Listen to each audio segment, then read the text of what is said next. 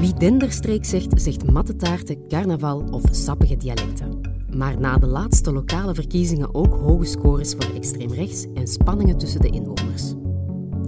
In deze podcast van het Hannah Arendt Instituut in samenwerking met De Morgen onderzoeken we hoe het zover is kunnen komen. Grijpen de beleidsmakers vandaag in? Hoe verdeeld is de regio eigenlijk? En op welke manier kunnen de bewoners weer tot verbinding komen? Samen met burgers, politici, opbouwwerkers en wetenschappers zoeken we het uit. Radiomaker Wart Schoepen en professor Stijn Oosterlink. Dit is aflevering 1, een streek in verandering.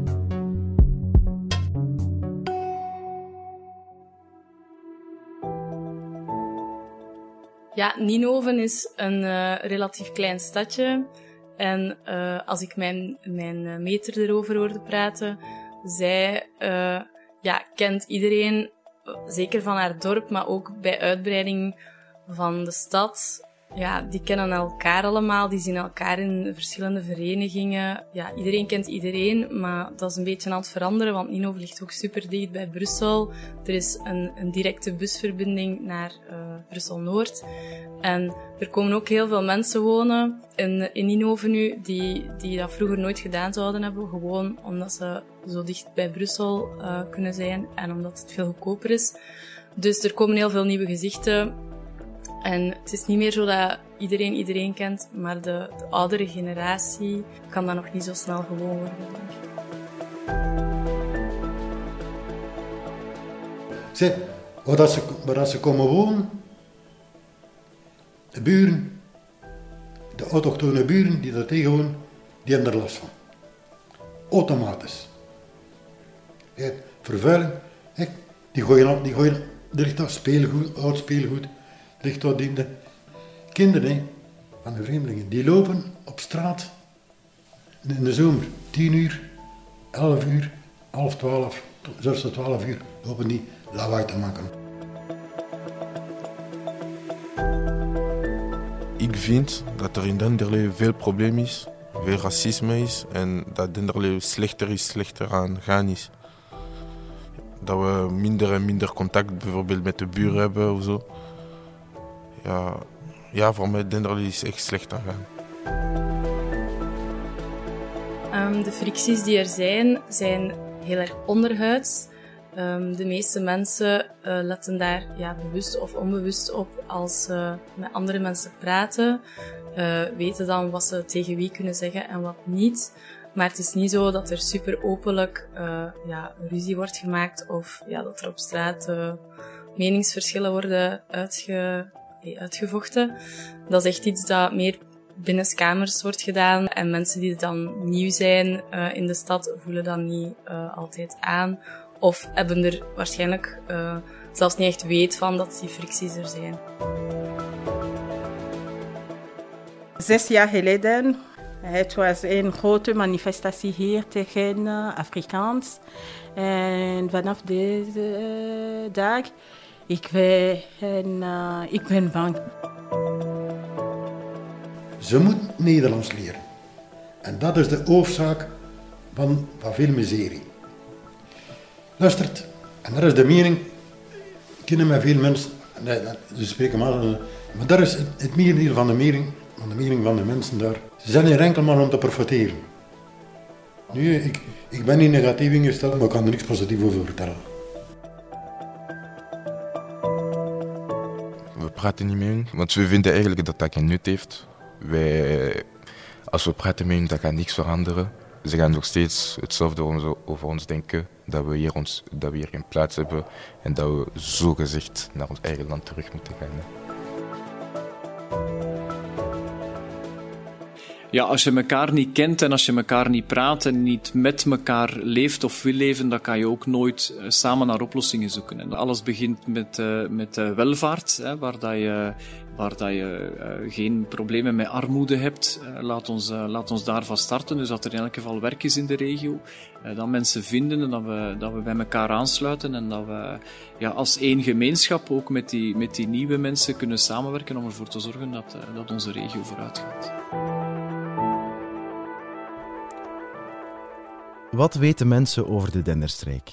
dat het een gebied is, ergens in Oost-Vlaanderen, met steden als Aalst, Ninove, Gerardsbergen of gemeenten zoals Liedekerk en Denderleeuw, en dat er een rivier doorloopt, de Dender. Dat wat betreft aardrijkskunde. Maar de regio kwam ook onder de aandacht toen bij de laatste lokale verkiezingen extreemrechtse partijen in verschillende gemeenten en steden grote overwinningen boekten. En met die overwinningen kwam een stigma. De regio kwam vaak in de media en werd gelinkt aan verloedering en racisme, met ook frustratie en polarisatie. En daarom is besloten om deze podcast te maken, is niet waar, Stijn? Inderdaad. Ja, je hoort het. Uh, ik ben hier niet alleen. Bij mij staat uh, Stijn Oosterlink.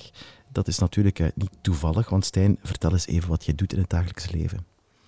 Wel ja, ik werk aan de Universiteit van Antwerpen. Ik ben daar uh, hoogleraar sociologie. Mm -hmm. En ik doe eigenlijk onderzoek naar, onderzoek naar allerlei maatschappelijke fenomenen. En ik heb mij een beetje gespecialiseerd in, in stadsvernieuwing, mm -hmm. in de rol van het middenveld, het lokale middenveld. En ik werk ook heel vaak rond uh, armoede en diversiteit. En daarnaast ben ik ook wetenschappelijk directeur van het Hannah Arendt Instituut. En het is inderdaad hier in dit instituut dat we verschillende signalen ontvangen hebben uit de Denderstreek. Het was niets anders dan een noodkreet eigenlijk. Uh, verschillende sociale werkers uit de Denderstreek ons. En die zaten letterlijk met de handen in het haar. Uh, ze wisten niet waar ze moesten beginnen. De spanningen in de Denderstreek of in de gemeentes waar zij actief zijn, lopen vaak heel hoog op. Het wordt mm. emotioneel, er zijn conflicten tussen burgers, er is polarisatie, er wordt valse informatie verspreid. Mm -hmm. Maar er zijn ook bij verschillende groepen in die, uh, in die streek, in die, in die gemeentes, hele grote sociale noden. Mm. En eigenlijk wist men niet goed uh, hoe men daar werk van moest maken, waar men moest beginnen, hoe men moest beginnen. En er bereikten ons ook allerlei berichten in dezelfde stijl van mensen die actief zijn bij lokale overheden. Ja. En die zeiden van hier is van alles aan de hand, wat kunnen we, wat kunnen we doen? En het Hannah Arendt Instituut besloot er iets uh, rond te doen, een podcast erover te maken. Want polarisatie is een, een van de kernthema's van het instituut blijkbaar. Hè? Ja, absoluut. Maar dan moet ik er uh, meteen ook, ook bij zeggen dat het samenleven en diversiteit, dat we dat niet alleen negatief willen zien in termen van polarisatie. Het is heel normaal dat in een streek of in een gemeente waar uh, de dingen veranderen, sterk veranderen, snel veranderen, dat het daar vaak schuurt en wrijft. Uh, maar we zien ook heel mooie voorbeelden van engagement, van creativiteit, van, van pogingen om het samenleven opnieuw uit te vinden.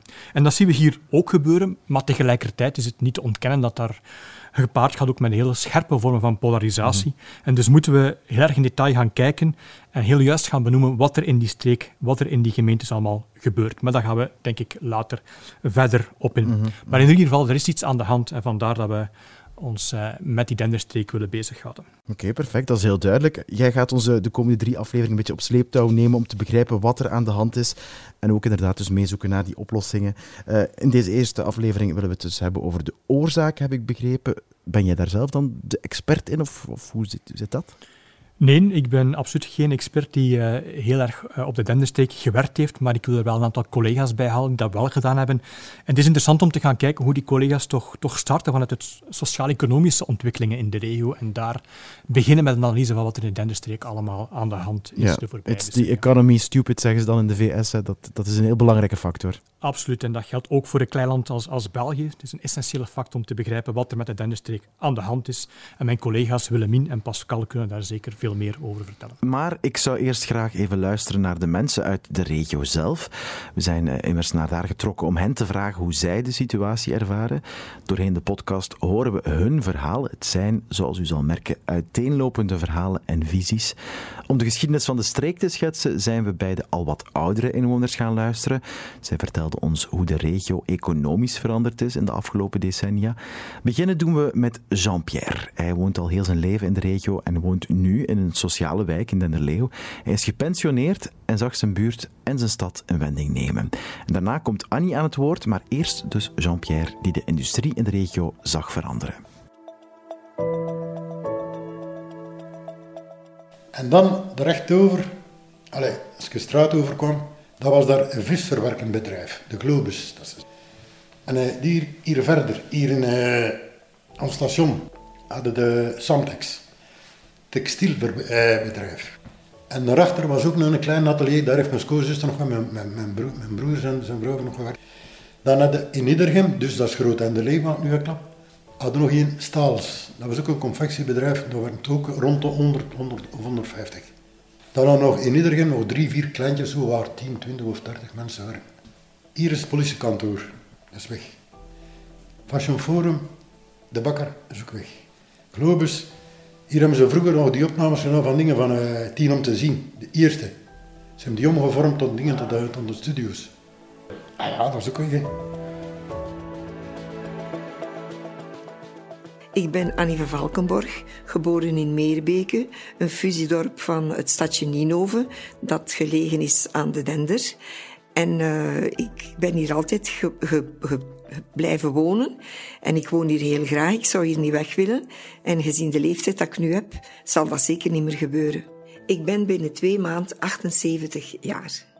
Ik heb uh, altijd in mijn dorp gewerkt, dat, dat dat heel plezant is. Je hebt geen files, maar daardoor leerde ook een massa volk kennen. Ik was notarisklerk van beroep en ik heb dat 40 jaar lang uitgeoefend. Ja, in mijn jonge jaren uh, leefde Ninove en alle dorpen rond Ninove konden gerust hier aan de bak. Iedereen kon hier werken. Er waren veel kleine fabriekjes. Bijvoorbeeld in Ninove zelf was er een luciferfabriek.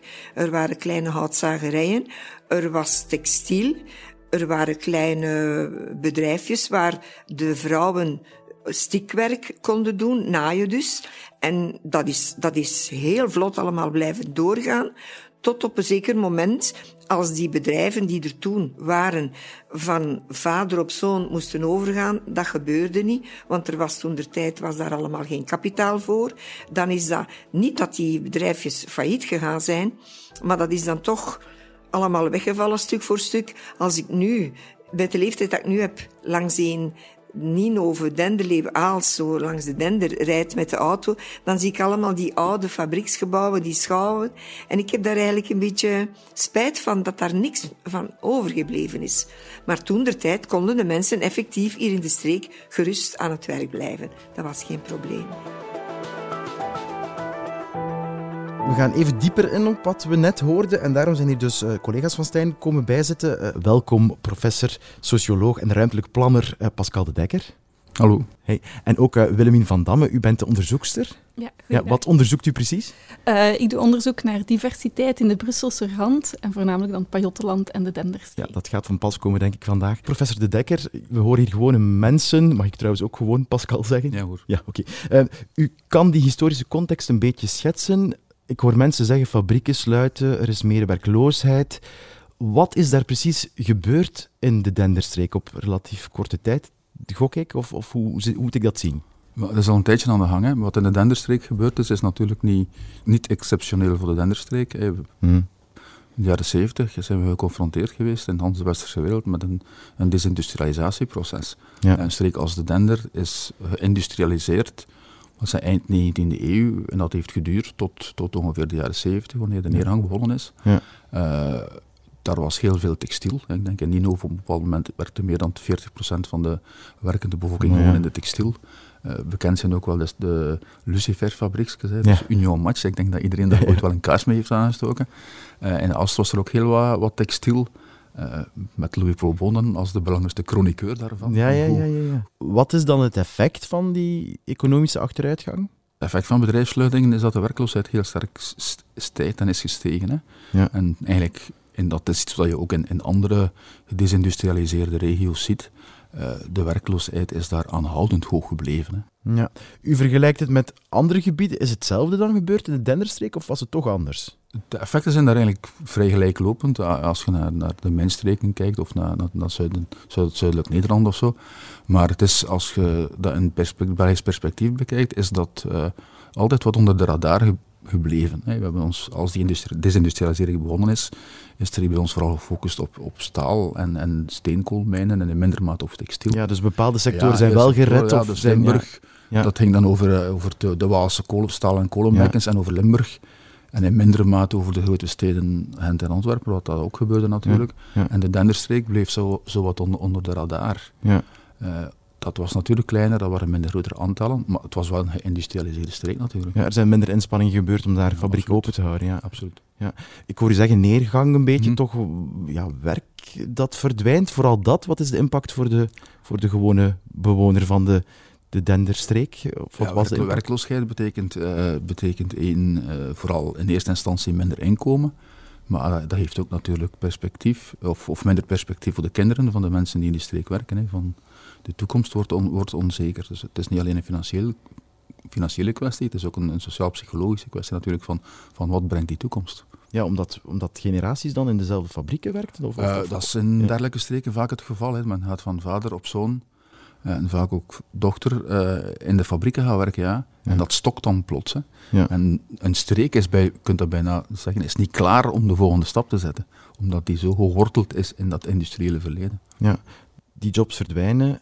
Mm. Werkloosheid, dat heeft ongetwijfeld nog een verder impact op hoe die maatschappij of hoe die, die streek uh, verandert. Dat heeft een kettingeffect en dat geeft effect op winkels die gaan sluiten, op uh, sociaal-culturele activiteiten die verdwijnen, op de financiën van lokale besturen, mm -hmm. uh, die daardoor ook minder kunnen gaan spenderen. Ja, heeft het ook gevolgen voor, want als je door zo'n gebied rijdt dan waar inderdaad fabrieken zijn gesloten, zie je ook, dat ziet er ook natuurlijk een beetje verloederd uit. Hè? Dat is ook Ja, dat, dat geldt, dat geldt uh, in nog steeds in alle gebieden die desindustrialisatie hebben gekend. Het is desindustriali de industrialisering, hoe gebeurde destijds?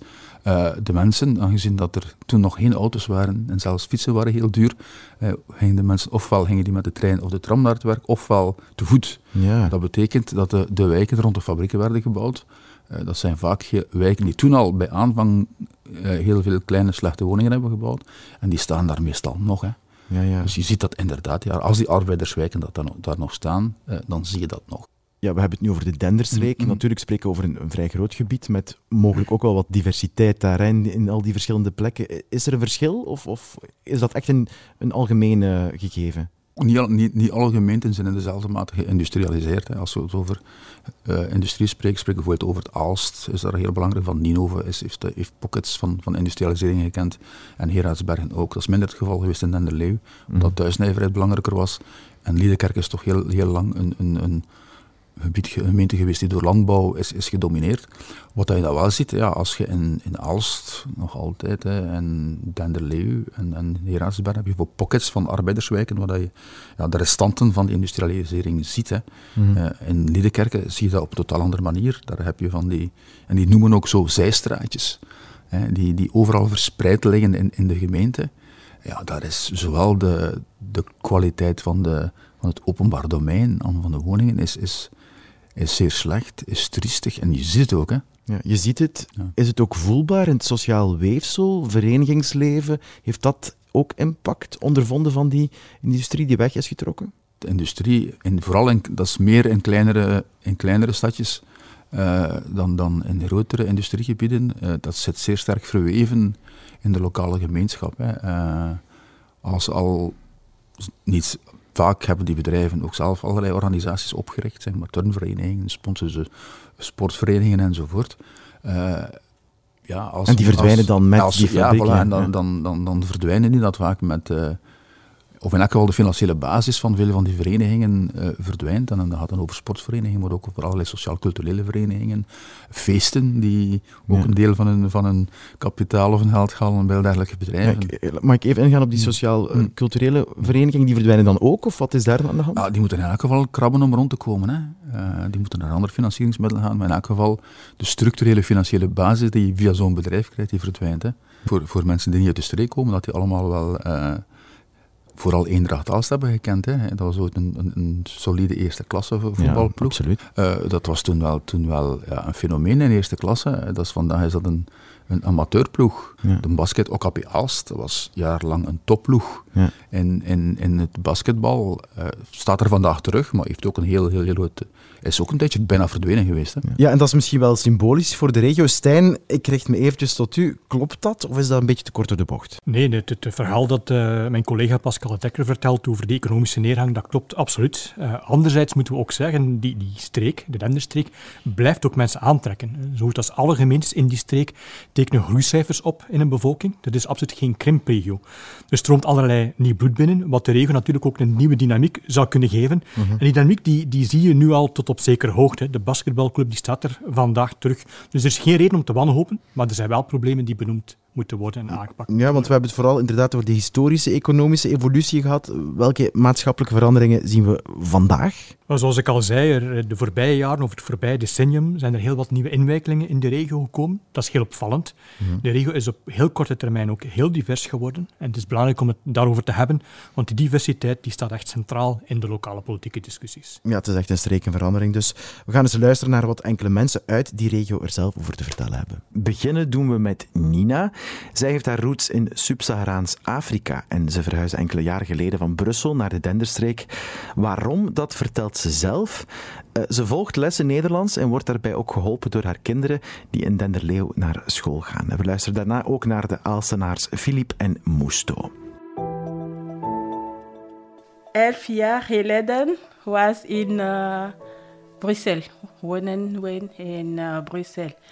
En daar, uh, als uh, Brussel is niet ver van uh, Denderleeuw. Uh, komt in Denderleeuw wonen.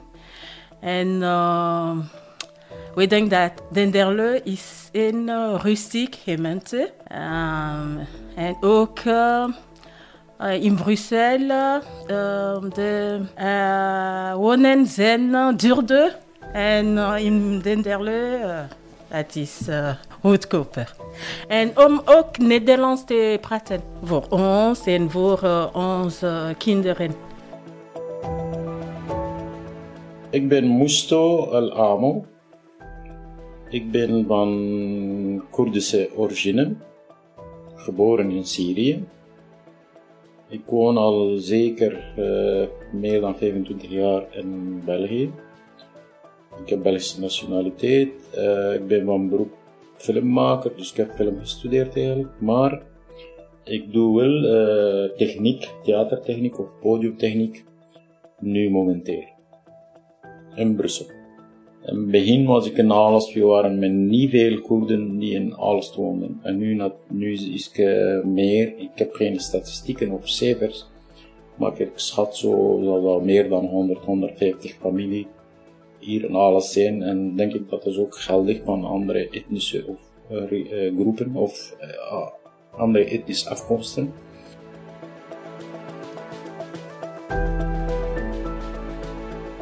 Ik ben Filip Vijverman, ik ben uitbater van uh, Nieland Recycling, een schroothandel in Aalst. Dus ja, ik woon en werk en leef en, en feest en geniet van het sociale leven in Aalst. Dus ik denk dat ik de regio vrij goed ken. Het is heel opvallend hoe alles eh, gewijzigd is in de loop der jaren. Toen ik eh, zelf jong was en de leeftijd had van mijn kinderen, uh, toen hadden wij op school ja, één, per klas misschien één of twee jongens toen nog, hè, want ik zat in een enkele jongensschool was dat toen nog. Ehm, jongens met allochtone roots, of bij ons in de voetbalploeg was er ook maar, maar één iemand. Hè. We hebben de eerste Afrikaanse speler bij SK Bodegem nog meegemaakt en dat was toen iets bijzonder exotisch. Maar nu, als je nu het straatbeeld bekijkt, dan, dan ziet dat er helemaal anders uit. Hè. De, de stationsbuurt, um, en zonder daar een kwaad woord over te zeggen, um, ja, ziet er bijzonder donker uit als je na vier uur aan de bushalte of aan een station voorbij komt. En dat is ja, een, gigantisch groot verschil met vroeger. Oké, okay, Willemien, je bent onderzoekster naar diversiteit in de Brusselse rand. De ideale persoon om uh, mee in gesprek te gaan over wat we hier horen. De bevolking spreekt van een sterke groei in het aantal mensen met migratieroutes. Welke recente migratiepatronen zien we eigenlijk in de Denderstreek? Uh, er zijn redelijk wat verschillende uh, migratiepatronen aan de hand, maar de meest opvallende voor de Denderstreek is denk ik toch wel de Congolese uh, diaspora. En dus veel mensen met Congolese roots, uh, Congolese herkomst of vanuit andere Afrikaanse landen die in Aalst of, de Denders, of Denderleeuw gaan wonen. Maar daarnaast zijn er ook nog wel heel wat um, andere um, herkomsten of nationaliteiten, die dat we toch niet uit het oog mogen verliezen. Um, je hebt dan enerzijds een heel grote groep van Europeanen, voornamelijk Oost-Europeanen, Roemenen, Polen, uh, maar evengoed Italianen of Spanjaarden. En um, Nederlanders natuurlijk ook, die vergeten we Die vinden we overal natuurlijk. die vinden we overal. Ja. Uh, hoe, hoe komen die mensen daar terecht? Waar komen die vandaan? Uh, de verhuisbewegingen die dat we zien komen vanuit Brussel, hebben een kortere of langere uh, periode in Brussel gewoond en zijn dan verhuisd naar uh, de Denderstreek. En dat gaat dan onder andere over de mensen die een woning vinden daar, maar ook een andere groep die ik daarnet nog wilde vertellen, was, zijn er een kleinere groep, maar toch wel een belangrijke groep van erkende vluchtelingen, Syriërs, Afghanen, die dat heel kort in Brussel hebben gewoond, um, in hun procedure, erkenningsprocedure. En dan, wanneer dat ze erkend zijn, heel snel een, een woning moeten vinden. En die vinden in uh, de Denderstreek, onder andere natuurlijk ook in andere mm -hmm. plaatsen. Maar omdat um, voornamelijk in Brussel bijvoorbeeld de woningmarkt toch wel uh, krap is en Hmm. veel concurrentie is. Ja, en die is misschien wat minder krap in de Denderstreek omwille van die, die deindustrialisatie die gebeurd is. Uh, absoluut. Hè. De, de, laat zijn op het toppunt van de, van de industrialisering laat zijn, uh, konden heel wat mensen uh, zich een eigen huis permitteren. Die hebben dat ook, zoals in Vlaanderen, zoals ik straks al zei, in Vlaanderen ook gedaan. Dat betekent dat er heel wat van die krotwoningen zijn vrijgekomen. Hè. En dan zie je hier gebeuren wat in de grotere steden ook gebeurd is. Die, die lege krotwoningen worden ingenomen door mensen uit migratie. Mm -hmm. En grotere woningen, hè, dat speelt ook een rol. Zeker voor grotere gezinnen vinden ze wel gemakkelijker een woning in, uh, ja. niet in grootstedelijke context. En zien we dat dan ook in de rest van Vlaanderen, dat het platteland diverser wordt?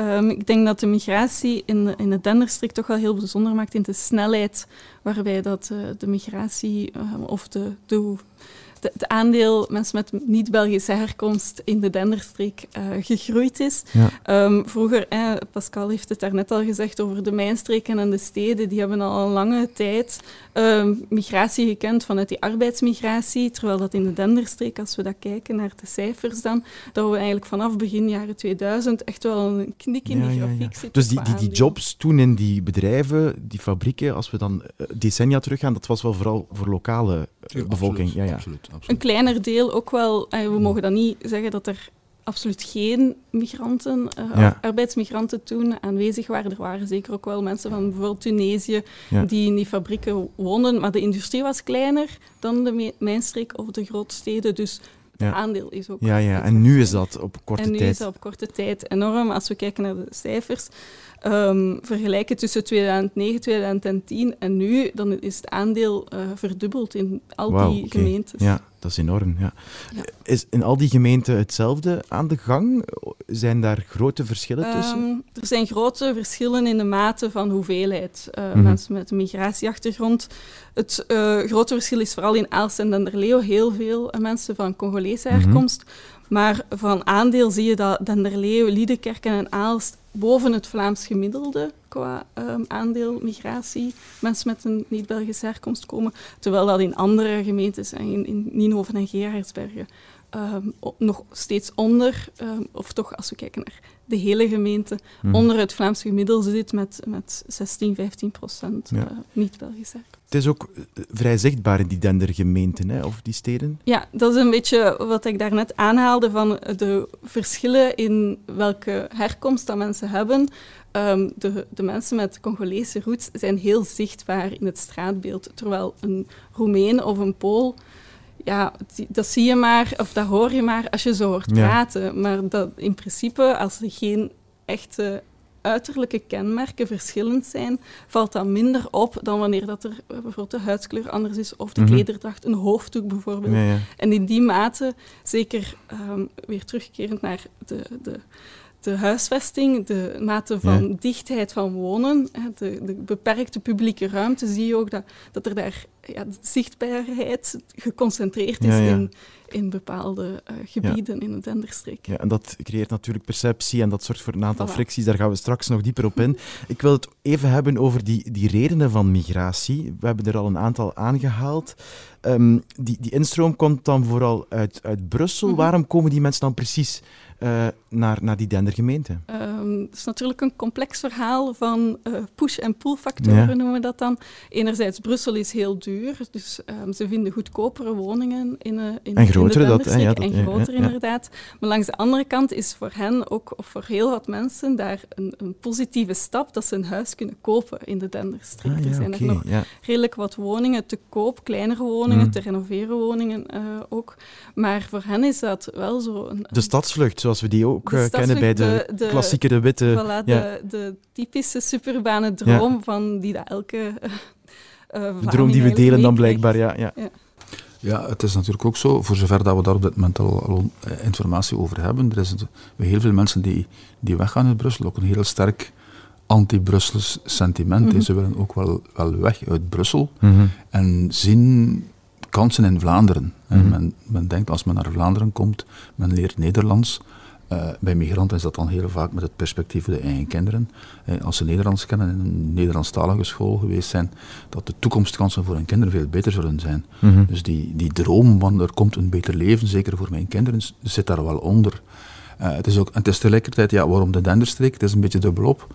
Het is weg van Brussel, maar ook nog in Brussel. Van heel wat voorzieningen, Mhm. vooral winkels, maar ook kerken enzovoort, die zitten nog wel in Brussel. Mhm. Vandaar dat die... En het is vrij bereikbaar, hè? de afstand Ja, is niet zo groot. Hè? Ja. Een van de belangrijke elementen waarom dat het hier zo snel gegaan is en waarom het hier Ja. ook is. Eén is natuurlijk uiteraard het aanbod aan goedkope woningen, maar is ook wel die trein geweest. Hè. Ja, ja, ja, ja, Eh, ja. Die, die trein wordt heel sterk. Je ziet dat trouwens als je in de weekends de trein neemt Ja. eh, van Brussel naar Aalst langs de oude lijn. Je ziet bij wijze van spreken, als je dichter bij Brussel komt, hoe meer gekleurd dat die trein wordt. Ja. En als je weer vertrekt en je gaat, komt in Gent aan, was een, een heel gekleurde trein, was een witte trein. Ja, ja, ja. ja. Dus, dus mensen kunnen verhuizen, maar wel een sociaal eh, netwerk Ja, bijvoorbeeld dat is houden. bij. Hè. Ja, en ja. ik denk als natuurlijk Vlaanderen, eh, België is klein. Mhm. Eh, Ik denk voor hele mensen die uit het buitenland komen, Ja. die afstanden Tegel- marginaal ja, zijn. Tegelijkertijd mogen we dat ook niet overschatten. De, de, het werk bijvoorbeeld is wel heel vaak in, in Brussel, maar bijvoorbeeld het winkelen en zo eh, wordt ook nog altijd wel vrij lokaal. Ja. ehm, eh, Eens mensen daar wonen, gaan ze natuurlijk daar ook eh, voilà, meer, ja, eh, meer zelf doen. En hoe spreiden die nieuwe inwoners zich dan over die gemeenten en, en steden? Ehm, als we naar de, de gemeentes in de, in de Denderstreek kijken, dan zien we dat het inderdaad afhankelijk is van wat voor soort huisvesting dat er eh, aanwezig is. Hè. Het zijn vaak kleinere woningen, oudere woningen, waarvan bijvoorbeeld de oudere bewoners naar een eh, woonzorgcentrum vertrekken Mhm. of, of, of sterven, Ja. die dat vrijkomen, die dat iets goedkoper op de markt komen, waar dat dan mensen met die superbane droom, die dan die huis, dat huis kunnen kopen, ehm, in terechtkomen. Maar als we dan wat verder van het centrum gaan en dan worden de huizen ook weer groter. Maar in ieder geval zie je dat er in het centrum van die gemeentes heel sterke eh, diversiteit aanwezig is, terwijl als we er verder van afgaan, dat er daar toch wel heel wat homogene dorpen ehm, zijn, waar dat het aandeel mensen met een migratieachtergrond veel kleiner zijn. Ja, dankjewel Willemien en Pascal voor die inzichten. We hoorden het al in het begin van de aflevering. Er zijn wel wat sociale spanningen in de regio. Daar wil ik het met jullie nog eh, verder over hebben. Want wat jullie net verteld hebben, heeft daar waarschijnlijk wel van alles mee te maken. Maar we gaan eerst nog eens luisteren naar een aantal mensen uit de Denderstreek. Gepensioneerde Annie en Jean-Pierre komen terug aan het woord, net als ondernemer Philippe. Maar we gingen ook eens luisteren bij enkele jongeren die in het lokale buurthuis samenkomen. Het buurthuis waar trouwens ook Jean-Pierre graag komt. En tenslotte horen we Agnessa, die voor de stad Ninove werkt. Zij ziet dat in de Denderstreek ook werkende mensen het soms moeilijk krijgen. Maar in mijn jonge jaren, dan, dan zat iedereen na het werk of wij na schooltijd, iedereen zat op de stoep of zat op de straat. Er werd met elkaar gepraat. Dat was een ganz andere levenshouding. Want de mentaliteit van vroeger en de mentaliteit nu, daar is nog te veel verschil. Ah, ehm, ik ben Mira Di Gonçalves, ik ben eh, 16 jaar. Ik woon in Denderleeuw. Nu, ik woon hier denk ik ben al gans mijn leven. Ik ben in deze wijk opgegroeid. Ehm, ik doe voetbal. En ja, dat is een beetje mijn leven. Er zijn niet veel mensen die de zoeken om ons te leren kennen. Ze zien, ze, ze, zien wat ze denken, ze zien wat ze horen van vrienden. Maar er, er is nooit een plek gekomen om te zeggen, ah ja, ik wil horen jouw versie. Nee. Is altijd, je hoort wat, je, je hoort wat, je, wat iemand of een vriendin jou zegt. En je gaat een soort te zien en je gaat dat denken over die persoon. En dat is, dat is irritant. Ze gaan nooit jou een kans willen geven, dat is jammer. Wel, in een uh, bedrijf met een, een loketfunctie zoals het onze, daar merken wij wel dat wij, dat wij in de loop uh, der jaren meer en meer uh, ja, Franstalige mensen of anderstalige mensen bij ons aan het loket krijgen, maar die, die geen Nederlands spreken en die daar volgens mij ook net iets te weinig moeite voor doen om het, om het wel te doen. Ik ben Prodige Ballo, ik ben 18 jaar en ik woon in Denderleeuw. Ik heb zo een buur, buurman zo een opa, echt. Uh, en hij zegt altijd hallo tegen mijn moeder. En een dag zo had zo achterval zo bij hem thuis gekregen. En zijn kinderen waren thuisgekomen en mijn moeder ze wou gaan zien, want ze kenden elkaar. Zo, ze hadden geen probleem samen of zo. Mijn moeder ging en kind, de zoon van die meneer begon te roepen tegen mijn moeder, zo uitschelden en al. Kom je hier doen, zo dingen we willen geen Afrikaan bij ons thuis. Terwijl die meneer geen racist, maar zijn zoon wel racistisch. Ze komen al hier en ze willen dan maar een beter leven, zeggen ze. Wat doen ze ervoor? Ze doen er niet veel inspanningen voor. Want een van de essentiële zaken van een rol is het Nederlands. Dat is het begin, begin, begin van alles. En die zijn hier enkel maar alleen voor TOCNW en kindergeld. Bij iedere, bij iedere eh, maatregel, sociale maatregel die er genomen wordt, allemaal bij automatisch. Maar wat hebben ze? De OCW, de OCW wordt hier overspoeld. Ik ben Samuel, ik ben 17 jaar en ik woon hier al 12 jaar in Tenderleeuw. Daarvoor woonde ik in Liedekerke en daarvoor nog in Brussel. Mijn ouders, ik kan niet liegen, mijn ouders kunnen bijna geen Nederlands of kunnen letterlijk geen Nederlands. Ze snappen het een beetje, maar echt zo'n klein beetje. Maar bijvoorbeeld als er een ouder contact is, is er altijd mijn broer of zo, of ik die erbij is om een beetje te vertalen en zo. En, en ik denk dat dat ook een beetje een van de grote problemen is, dat veel mensen geen Nederlands kunnen praten en zo. Maar ik denk van, als ze Nederlands zelf kunnen praten, ik denk niet dat ze met hunzelf gaan praten of zo. Ik denk dat, dat we ze nog steeds gaan storen. Of dat die mensen hun nog steeds gaan storen niet zo lang geleden, ik denk dat iedereen al heeft gezien, dat er aan de Leonardo College een gevecht was tussen een zwarte jongen en een blanke. En dat Vlaams Belang dat heeft gepost en zei zo van ja, deze zwarte jongen heeft zijn plaats niet, dus zien jullie nu wat we willen zeggen en zo. Terwijl ze eigenlijk Hans het verhaal niet weten. Eh, het verhaal kwam eigenlijk... Ze zijn gewoon, voor mij zijn ze gewoon alle twee fout en is dat gewoon een gevecht dat, dat eigenlijk zo'n beetje overal gebeurt bij de mensen die het al minder breed hebben zelf. En ik spreek ook niet altijd over cliënten van OCMW. Je hebt ook gewoon werkende, alleenstaande moeders die gewoon op het einde van de maand uh, ja, de, de, eindjes niet aan elkaar kunnen knopen. En die hebben het ook moeilijk. Die gaan ook niet op reis uh, twee keer per jaar of laat staan één keer per jaar.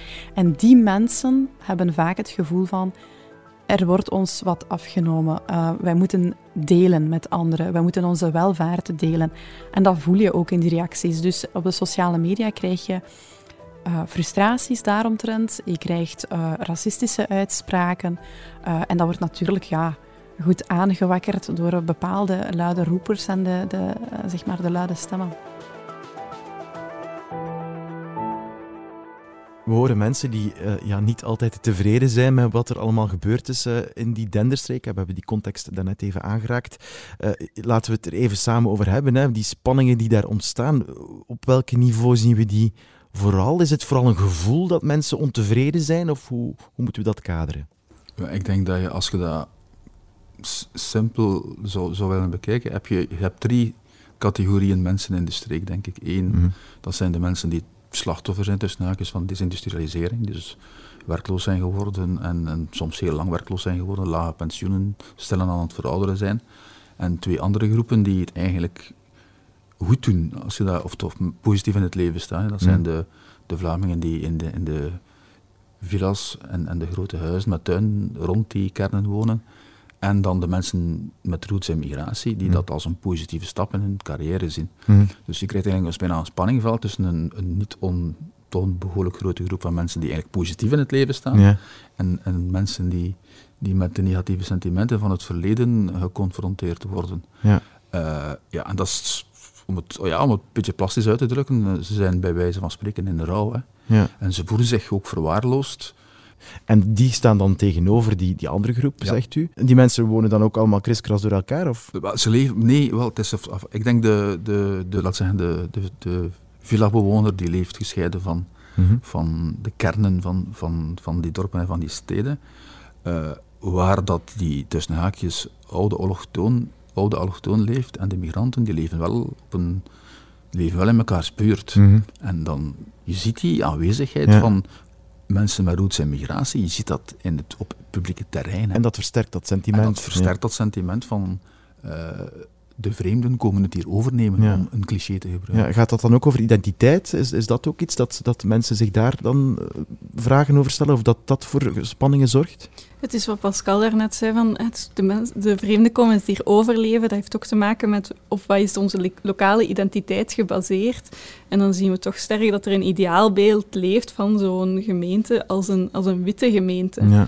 En de stad Brussel, daar is diversiteit normaal, maar hier, um, is dat, ah, hier in de Denderstreek dan, is dat, is dat niet ja, klopt dat niet. Die stedelijke identiteit, die, die hoort niet in, we, ja, we horen heel vaak, de, de, de verstedelijking komt naar hier. Uh, we moeten, um, moeten onszelf beschermen tegen de, de verstedelijking. Um, en zo, als we zo die lokale identiteit hebben opgebouwd van diversiteit is een stedelijk gegeven, dan kunnen we ook nooit welkom zijn of um, hoe zeg je dat? Of een deel uitmaken van de gemeenschap. Een deel uitmaken van de maatschappij daar in die gemeente. Hoe zorgt dat identitair dan voor spanningen? Hoe, hoe, hoe manifesteert zich dat?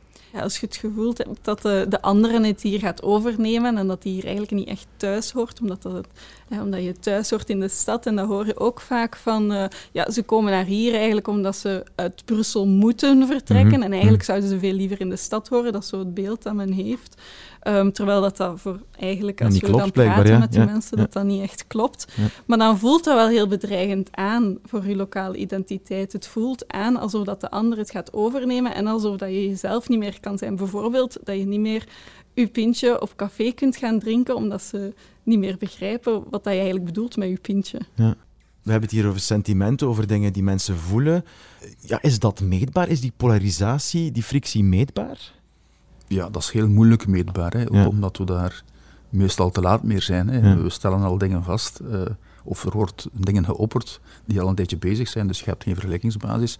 Ja, het meest meetbare is, is het politiek, hè. is zijn de verkiezingsuitslagen, bij wijze van spreken. Ja, en toch wel een uiting zijn van dat er dingen aan de hand zijn. Ja, en dat is in de Denderstreek ook zo. Die politieke resultaten zijn wel uh, van een bepaalde aard. Hè. Die, die, die frictie, dat, dat is daar wel voelbaar. Maar ik denk dat, je, ik denk dat één het zonnebokmechanisme speelt. Hè. Ik zeg, we hebben een streek die zo in, in rouw zit, hè, omdat die desindustrialisatie, de, de glorietijden zijn voor een stuk gepasseerd.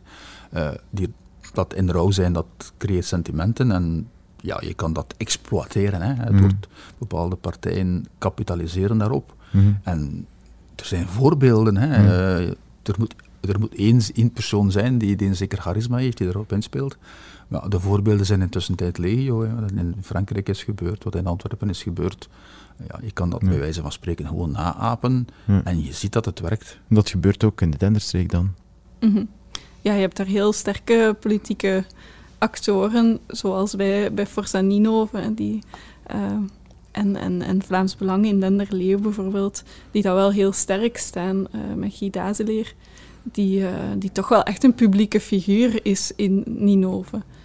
Um, en die hebben inderdaad een, een verhaal van uh, we moeten hier Ninove beschermen tegen um, de, de achterstelling, waar dat zij dan de achterstelling zien als de, de vreemdelingen die hier komen profiteren. Het, ja, het, het past zegt in dat zonnebokverhaal uiteindelijk was de reden van de teleurgang van de streek, is het verdwijnen van, van, van de industrie.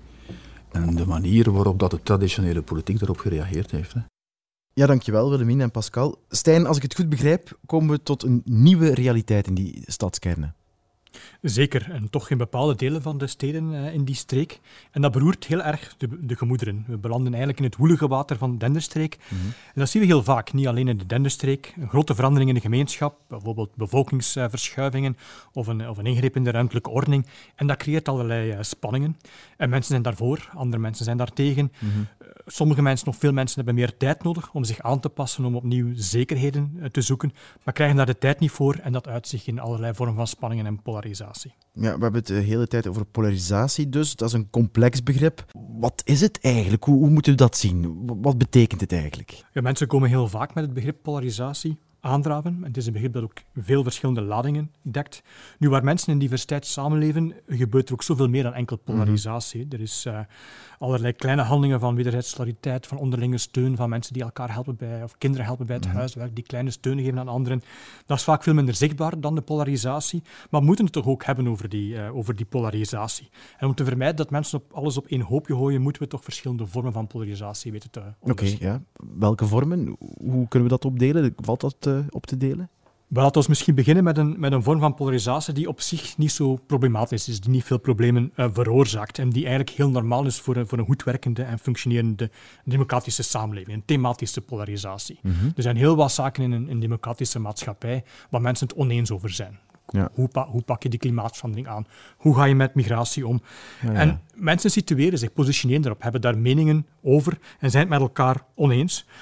Maar op zich is dat heel legitiem. Dat is niet noodzakelijk een probleem. Mm -hmm. Natuurlijk, die thematische polarisatie die staat niet los van de sociale dynamiek tussen mensen. Mm -hmm. Eens dat mensen een bepaalde mening hebben, een positie hebben, en zeker als het erna aan het hart ligt, als het gaat over dingen die echt belangrijk zijn, zie je ook vaak groepspolarisatie ontstaan daar rond. Dus een groep van mensen die gelijk denken over bepaalde thema's, gaan elkaar opzoeken en gaan elkaar eigenlijk in een positie ja, gaan ja, ja, versterken. En dat kan mensen radicaliseren. Dat kan mensen doen terechtkomen in een bubbel van gelijkgezinden, mm -hmm. waar eigenlijk meningen steeds radicaler worden en steeds verder afdrijven van elkaar. En als het op het punt komt dat mensen niet meer kunnen dialogeren, niet meer in gesprek kunnen gaan met mensen die er anders over denken, of die mijden, of daar geen contact meteen is, dan wordt het gevaarlijk, dan kan het ook echt problemen veroorzaken. Ja. Zijn dat de enige soorten van polarisatie die we, die we kunnen benoemen? Zijn er nog andere? Er is ook de, de zogenaamde affectieve polarisatie. Die polarisatie die samengaat met heel scherpe en sterke gevoelens die mensen hebben. En dat betekent eigenlijk dat affectieve polarisatie betekent eigenlijk dat mensen steeds wantrouwig tegenover elkaar gaan staan en dat ze elkaar in zelf extreme gevallen beginnen te haten. -hmm. uh, en dat gaat heel vaak samen met identiteitsgebonden materie. Hè. Dus die groepsgebonden polarisatie kan zo ver gaan dat wij tegenover de anderen komen te staan en dat die anderen eigenlijk alleen maar in, met negatieve emoties overladen worden, met frustratie, met wantrouwen, met bitterheid enzovoort. Dat mensen ook niet meer luisteren naar elkaar, dat er geen, dat er geen enkel mogelijke aanknopingspunt of gedeelde, uh, gedeelde um, gronden zijn, ja. gedeelde ja, gronden zijn met elkaar en dat er eigenlijk alleen maar afkeer meer is. Mm -hmm. En dan zou je kunnen zeggen van dat die emoties in zekere zin betogen een zekere betrokkenheid op de maatschappij. Dus we hoeven niet elke vorm van emotie en gevoel. Zeg is dat goed, hè? Ja, dat is, absoluut, ja, absoluut. Ja. Maar als het natuurlijk alleen maar tot verdeeldheid leidt, mm -hmm. tot, tot, tot, tot, tot uh, bitterheid leidt, mm -hmm. dan verzwakt dat de samenleving in, in haar geheel. Dus we moeten daar toch wel een stukje alert tegenover zijn dat die gevoelens en die emoties die opgewekt worden door belangrijke maatschappelijke thema's, dat die toch de samenleving naar geheel niet zo gaan verzwakken dat we die problemen eigenlijk niet meer kunnen aanpakken en bespreken. Dus die emoties, dat is affectieve polarisatie. Je had het ook over groepspolarisatie, thematische polarisatie. Over welke soorten kunnen we dan in die denderstreek spreken? Dat is niet zo eenvoudig om te zeggen, maar het is wel duidelijk dat die verschillende vormen van polarisatie dat die op elkaar inspelen in de denderstreek en dat die ook hier ja, toch wel uh, aanleiding geven tot, tot, een, uh, ja, tot, tot Um, Tot die polarisatie op verschillende manieren. Maar hoe uitzicht dat dan? Kan je dat eens proberen uit te leggen dan aan de hand van de Denderstreek? Wel, er is in ieder geval een nieuwe groep van mensen met migratieachtergrond die in de streek aangekomen is.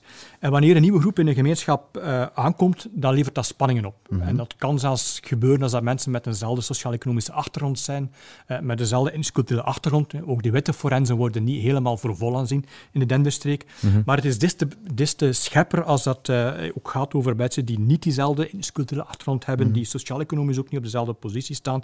En dat is heel duidelijk wat er in de Denderstreek gebeurt. Die nieuwe groep, uh, die, die nieuwe groep mensen met migratieachtergrond, die wordt het voorwerp van allerlei polarisatiestrategieën. Dat is die emotie die dan komt, die, die affectieve polarisatie. Heb je het daar dan over? Of, of? Ja, ja, onder meer. Dat neemt heel erg uh, affectieve dimensies aan. Nu, het is zo dat een, een aanzienlijk deel van die bevolking in de Denderstreek, die heeft een kwetsbare positie. Die zijn sociaal-economisch mhm. gezien niet zo sterk. Uh, die hebben ook het idee dat, dat een streek economisch achteruit gaat, dat het moeilijker voor hen wordt. En wanneer mensen zichzelf niet, niet, niet, niet, niet sterk staan voelen, wanneer ze weinig zekerheden hebben, wanneer ze zich bedreigd voelen, ja, dan al hetgeen wat nieuw is, uh, krijgt dan ja, de, de verantwoordelijkheid daarvoor, of de schuld daarvoor. Ja, ja. En ontstaan er heel scherpe vormen van affectieve polarisatie. Ja, en dat is wat er in de regio gebeurt. En, en wat er daar bovendien ook nog gebeurt, is dat die affectieve polarisatie ook heel bewust uh, gebruikt wordt door, door bepaalde politieke partijen, door mm -hmm. bepaalde politieke figuren, om dat aan te wakkeren. Mm -hmm. En dan krijg je een soort zondebokmechanisme, waarbij die nieuwkomers eigenlijk de schuld krijgen van al hetgeen wat in de regio verkeerd gaat, van al hetgeen waar mensen gefrustreerd over zijn, van al hetgeen waar ze zich onveilig of ongelukkig uh, door voelen. Terwijl je anderzijds zou kunnen zeggen, ja, die, die nieuwkomers zijn daar niet verantwoordelijk voor. Mm -hmm. uh, die, die komen ook maar naar die streek omdat het daar ja, goedkope wonen is, omdat ja. daar ook nog opportuniteiten zijn. Die brengen zelf ook een nieuwe dynamiek in de streek. Hè. Ze zetten winkeltjes op, ze zetten verenigingen op, ze introduceren nieuwe activiteiten in de publieke ruimte, bijvoorbeeld cricket spelen. Dus ze zouden ook de oplossing kunnen zijn. Maar in zo'n dynamiek van, van polarisatie, waarbij een thematisch meningsverschil over migratie ook een, een, een, een, een, een, een groepspolarisatie tegenstelde identiteiten creëert en ook met heel zware negatieve emoties gepaard gaan, ja, blokkeert dat eigenlijk ja, ja, een mogelijke oplossing voor de streek. Komen mensen niet samen om de problemen aan te pakken, maar schuiven ze naar elkaar door, waardoor de regio op zichzelf en de bevolking op zichzelf verzwakt. Je hebt het over dat zondebokprincipe. Wat is het effect van dat principe op, op die nieuwkomers? Wel, misschien eerst nog even benadrukken dat er in die regio, in die gemeentes, in die wijken, reële samenlevingsproblemen zijn. En dat die samenlevingsproblemen vaak moeilijk opgelost geraken omdat men geen gemeenschappelijke taal vindt. Uh, Nederlands wordt vaak niet uh, beheerst door die nieuwkomers. Dat er ook vaak onbegrip is over elkaars leefstijl, over de manier waarop uh, mensen, kinderen, jongeren de publieke ruimte gebruiken. Alleen moet je natuurlijk vaststellen dat als je dat wil gaan aanpakken, die samenlevingsproblemen, die er altijd zijn als mensen uh, van verschillende achtergronden samenleven, dat de groepspolarisatie de aanpak daarvan echt, echt bemoeilijkt. Dat het echt moeilijk is om, om samen die problemen daardoor aan te pakken. En dat wordt ook opgepikt door die groep nieuwkomers. Die -hmm. zijn nieuw, dus die voelen zich al niet heel sterk in die nieuwe uh, situatie. Die worden geconfronteerd met het feit dat ze niet erkend worden, dat ze voor een aantal dingen verantwoordelijk gehouden worden sowieso heb je in, bij nieuwkomers ook altijd de, de, de dynamiek dat ze een stukje samenklitten. En mm -hmm. dat is niet noodzakelijk negatief. Mensen zoeken zich te versterken, zoeken lotgenoten op, zoeken elkaar te gaan ondersteunen. Um, maar tegelijkertijd, als daar een, een, dynamiek van groepspolarisatie bovenop komt, dan gaan mensen ook proberen te beschermen tegen negatieve ervaringen. En dan gaan ze wegblijven van anderen waarvan ze denken van hier ga ik teleurgesteld worden, hier ga ik uh, onvriendelijk aangesproken worden, hier ga ik niet geholpen worden. En gaan ze zich een stukje op zichzelf terugtrekken mm -hmm. in anticipatie van een mogelijke negatieve reactie die ze van anderen zouden kunnen krijgen. En dan krijg je eigenlijk een verder uiteindende dynamiek van groepspolarisatie die het eigenlijk moeilijk maakt om vanuit dat sociaal weefsel van die gemeente, van die wijk zelf, om die problemen ook aan te pakken dan mis je de gedeelde grond om dat goed te gaan te pakken. Ja, je zei daarnet ook al dat de politiek daarop inspeelt. Hoe, hoe, hoe moet ik dat zien? Voeden zij dat extra of hoe gaan ze daarmee aan de slag? Wel, de politiek heeft een heel belangrijke rol te spelen in de samenhang van de samenleving. Wat een politicus zegt en doet, is, is heel erg belangrijk. En natuurlijk, niet iedere gemeente heeft hetzelfde bestuur, heeft dezelfde burgemeester, heeft dezelfde mm -hmm. ambtenarij. Dus het, het, verschilt wat van, van stad of van gemeente tot gemeente. Maar het is wel heel duidelijk zo dat, dat uh, een legitiem meningsverschil over, over wat migratie bij de samenleving doet en of dat, dat nu uh, verrijkend is of eerder een, een extra last op de samenleving legt, dat legitieme politieke meningsverschil, dat wordt eigenlijk een stukje uitgebuit voor electorale redenen. En voor mensen die die polarisatie verder oppoken en die uh, ja, met, met, met, met negatieve berichten, ook vaak met valse informatie, die uh, ja, het klimaat richten tegen, die, tegen iedereen met een buitenlandse roots en die heel sterk op de emoties van mensen uh, spelen. Laat mij een voorbeeldje geven. In Nieuwhoven mm -hmm. was het geval van een, mens, van, iemand, van een man die zogezegd met een geweer zou rondlopen in de stad mm -hmm. en die ook op sociale media heel sterk verspreid wordt, ook opgepikt door politieke partijen mm -hmm. en verder verspreid. De politie heeft die zaak onderzocht en dat bleek iemand te zijn die met een gsm rondloopt en niet met een geweer. Maar goed, ondertussen is er, door dat bericht te verspreiden, door al die mensen dat gezien hebben die daar emotioneel geraakt door geweest zijn, mm -hmm. die zich daar onveilig door gevoeld hebben, is meteen ook zuurstof gegeven aan die polarisatie, ja. terwijl eigenlijk politici op dat moment de rust zouden moeten doen weerkeren en zeggen, laten we eerst onderzoeken en niet met hun woorden en met hun daden die polarisatie verder aanwakkeren. En dan mm -hmm. zie je dat dat niet door iedereen, alle politici zo gedaan wordt, dat een aantal politici dat verder probeert uit te buiten en die emoties op te poken. En dan zie je dat het kleinste conflict voldoet is om die polarisatie verder aan te wakkeren. Ja, wat je nu vertelt, je geeft het voorbeeld van Ninove, maar het doet mij ook wel denken aan andere dingen die, die af en toe passeren, zeker op sociale media. Is dat, is dat eigen aan die streek of is het eigenlijk overal een beetje zo, die, die mechanismen werken die overal op dezelfde manier? Absoluut. De manier waarop sociale media gebruikt worden om, om, om dat soort kleine berichtjes te gaan verspreiden en daardoor emoties hoog laten oplopen, dat is wat we in, eigenlijk in alle uh, steden in België zien, maar zeker ook in die, die kleinere steden en gemeentes die net zoals de Denderstreek, net zoals in de Denderstreek, geconfronteerd worden met grote veranderingen en waarbinnen dat soort ja, berichten uh, heel erg goed werkt om als een soort uh, aanmaakblokje de mm. polarisatie te voeden. Zeker, ja, uh, over dat politieke aspect, uh, Stijn, van die polarisatie en de effecten daarvan, daar gaan we het ook verder over hebben. Um, we gaan het ook even over het beleid in, in, de, in, de, in die regio. Hoe, hoe, pakken die beleidsmakers die situatie aan? Hè? Want je geeft nu die, die, die situatie, maar wat wordt er dan mee gedaan? Wel, ik denk dat je niet anders kan dan vaststellen dat die beleidsmakers in die regio ook een stukje met de handen in het haar zitten en eigenlijk niet goed weten hoe ze daarop moeten gaan, rea gaan reageren. We merkten ook op dat uh, het eigenlijk heel moeilijk was om politici te vinden, lokale politici, die in deze reeks wilden gaan spreken. En dat is toch wel opvallend. Maar we hebben er een aantal gevonden mm -hmm. en die zijn zeker het beluisteren waard. Ja, uh, dankjewel. Stijn, je bent er de volgende keer ook bij, hoop ik, hè, om dat allemaal een beetje mee in goede banen te leiden. Zeer zeker. Oké, okay, tot dan. Uh, voor een blik dan op de politieke situatie en de aanpak in de regio Het Woelige Water, de Denderstreek.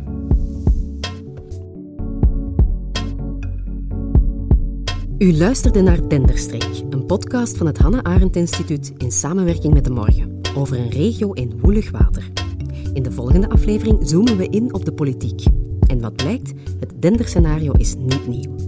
Dus ze hebben heel lang niet naar die achterstandsbuurten omgekeken, daar niet in geïnvesteerd, daar niet echt aanwezig geweest en ze hebben dat eigenlijk helemaal niet zien komen.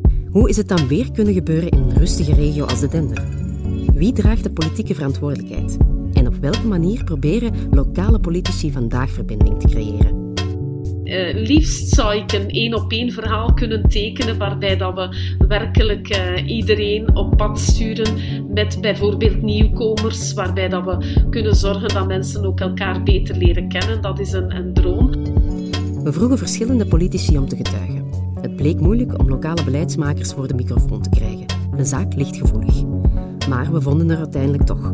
Samen met hen gaan we op zoek naar de rol van de politiek in de oorzaken en de oplossingen voor de polarisatie in de Denderstreek.